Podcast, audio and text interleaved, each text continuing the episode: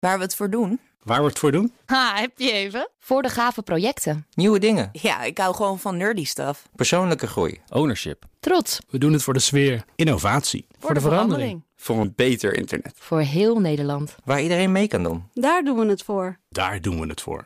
Waar doe jij het voor? Kom werken voor KPN en groei op jouw manier. Check de actuele vacatures op het gebied van data, security, development en networking op jobs.kpn.com/tech. Wetenschap vandaag.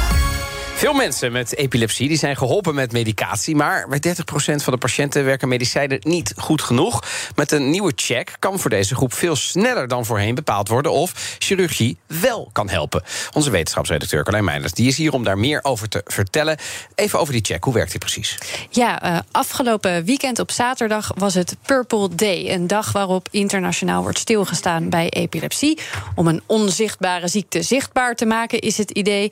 Uh, we hoorden het al voor veel mensen geldt dat medicijnen heel erg kunnen helpen. Maar voor 30% van de patiënten is dit niet zo.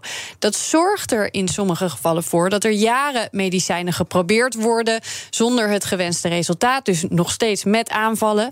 En een operatie kan in bepaalde situaties wel zorgen voor een blijvende oplossing. Maar zo'n operatie, waarbij een stukje van de hersenen, het stukje uh, dat de aanvallen veroorzaakt, weg wordt gehaald. voer je natuurlijk alleen uit als je zeker weet dat het kan en dat het zin heeft voor die persoon.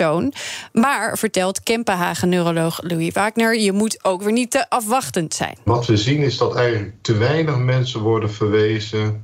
voor die mogelijkheid.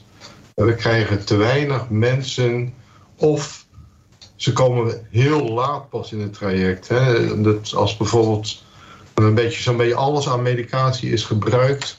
dan worden ze een keer verwezen om te kijken of ze geopereerd kunnen worden. Ja, en wat hebben ze nou bij Kempenhagen ontwikkeld? Een manier om veel sneller te bepalen of iemands situatie wel of niet geschikt is voor een operatie. En veel beter dat te bepalen. Ze hopen dat het daarmee minder als een soort allerlaatste strohalm eigenlijk wordt gezien. Waarbij eerst onnodig veel medicijnen worden uitgeprobeerd. En hoe is het ze dan gelukt om dat sneller te kunnen bepalen? Uh, nou, er moet voor zo'n operatie natuurlijk eerst gekeken worden waar de aanvallen precies vandaan komen. En of dat gebied een gebied is waarin je kunt opereren. Dus een deel van snel bepalen of het zin heeft, is mm, eerst goed naar het verhaal van de patiënt luisteren en de klachten en dan goed in de hersenen kijken. Dan maakt het ook uit, vertelt Kempenhagen neuroloog Guido Witman, hoe groot het probleemgebied is en hoe goed je het kunt zien. Een kleine afwijking is makkelijker te opereren, want dan hoeft er minder uitgehaald te worden. Maar die kleine afwijkingen die zien wij met een gewone scan vaak niet zo goed. Ne? Want die zijn niet gericht op zoeken naar kleine epilepsieafwijkingen. Die gaan meer op zoek naar een tumor of een ontsteking of een bloeding. Maar, maar niet naar deze kleine lesies. En dat voegen wij met dit onderzoek toe. Daar gaan wij precies op zoek naar heel kleine lesies. En bij die kleine lesies is een kleine operatie dan ook vaak genoeg om de epilepsie te stoppen. Ja, maar moest die scan dan ook zelf worden aangepast om die kleine gebieden te kunnen zien? Of kan je dat gewoon met reguliere scan wel? daar waren inderdaad wel aanpassingen voor nodig. Ook in het verwerken vooral van de scan en het vergelijken van de beelden met, met eerdere beelden die zijn gemaakt. Dat is dus dan meer de softwarekant ja, die is meer toegespitst is voor deze check. Maar dit gaat dan dus ook nog sneller dan hoe het eerst ging? Ja, voor deze check komt eigenlijk hoe het gaat. Hè. De patiënt komt één dag naar het Academisch Centrum voor Epileptologie moeilijk woord. Mm -hmm. Daar volgt een aangepaste intake, een MRI-scan. Er wordt de 24 uur EEG-video vastgelegd. En dat in combinatie dus met die betere verwerking van wat er gemeten en gezien wordt, zorgt ervoor dat nu binnen vier weken eigenlijk al bekend is of iemand geschikt is voor een operatie of niet. Oké, en, en, en er zijn dus nog steeds mensen waarbij een operatie niet helpt. Die zijn er inderdaad. Soms kan uh, niet goed worden bepaald waar de haard precies zit. Of zit het in een gebied waarin je gewoon niet kunt opereren, omdat andere functies dan bijvoorbeeld in gevaar komen. Maar gelukkig, vertelt Wagner, verbetert naast de MRI-techniek ook de techniek in de operatiekamer. En dat zorgt voor minder ingrijpende operaties. Waarbij we dan diepte-elektrodes in de hersenen aanbrengen in een nou, heel klein uh, regio waarvan we denken, daar, daar kan de epilepsie vandaan komen. En dan hebben we tegenwoordig een techniek om niet met het mes uh, de, de bron uit te schakelen, maar dan met een, een hoge stroom. Dan verhitten we in de diepte verhitten we die regio via zo'n elektrode.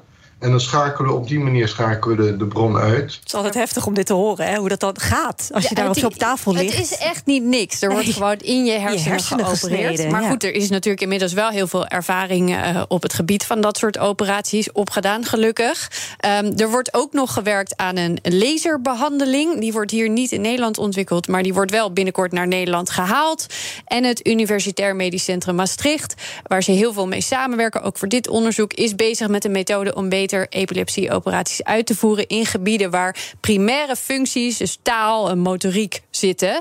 Eh, en dat, dat heeft dan, gaan ze dan weer doen met eh, een beetje radioactiviteit op de juiste manier toepassen. Dat is in ontwikkeling, maar er gebeurt dus ontzettend veel. Dan ga ik even op de stoel van de Patiëntenfederatie zitten. Ja. Die natuurlijk altijd belangrijk is. Zeker. Namelijk, is er ook gedacht aan wat de patiënt zelf wil? Ja, ja, het is natuurlijk niet zo dat ze heel erg pushen van operaties moet Dit altijd. Ja, precies. Ja. Eh, wij willen graag snijden, zo zit het niet. Nee. Eh, die worden in een vroeg stadium ook betrokken bij die afwegingen, wat nou het beste zou werken. Het is altijd uiteindelijk hun eigen keus natuurlijk. En dat is ook een reden waarom het zo belangrijk is om zoveel mogelijk informatie te kunnen geven, zodat die keuze op de juiste manier gemaakt kan worden. Betekent ook goed de risico's van wel of niet opereren naast elkaar leggen. Want ook soms niet opereren kan in sommige gevallen heel gevaarlijk zijn. Dus eh, met zoveel mogelijk informatie, betere scans, betere technieken, die groep patiënten nog beter kunnen helpen. Dat is het doel. Dankjewel, Carlijn. BNR ben je altijd als eerste op de hoogte van het laatste nieuws. Luister dagelijks live via internet. Bas van Werven. En heel langzaam komt de zon op rond dit tijdstip. Je krijgt inzicht in de dag die komt op BNR, het Binnenhof in Nederland en de rest van de wereld. De Ochtendspits. Voor de beste start van je werkdag. Blijf scherp en mis niets.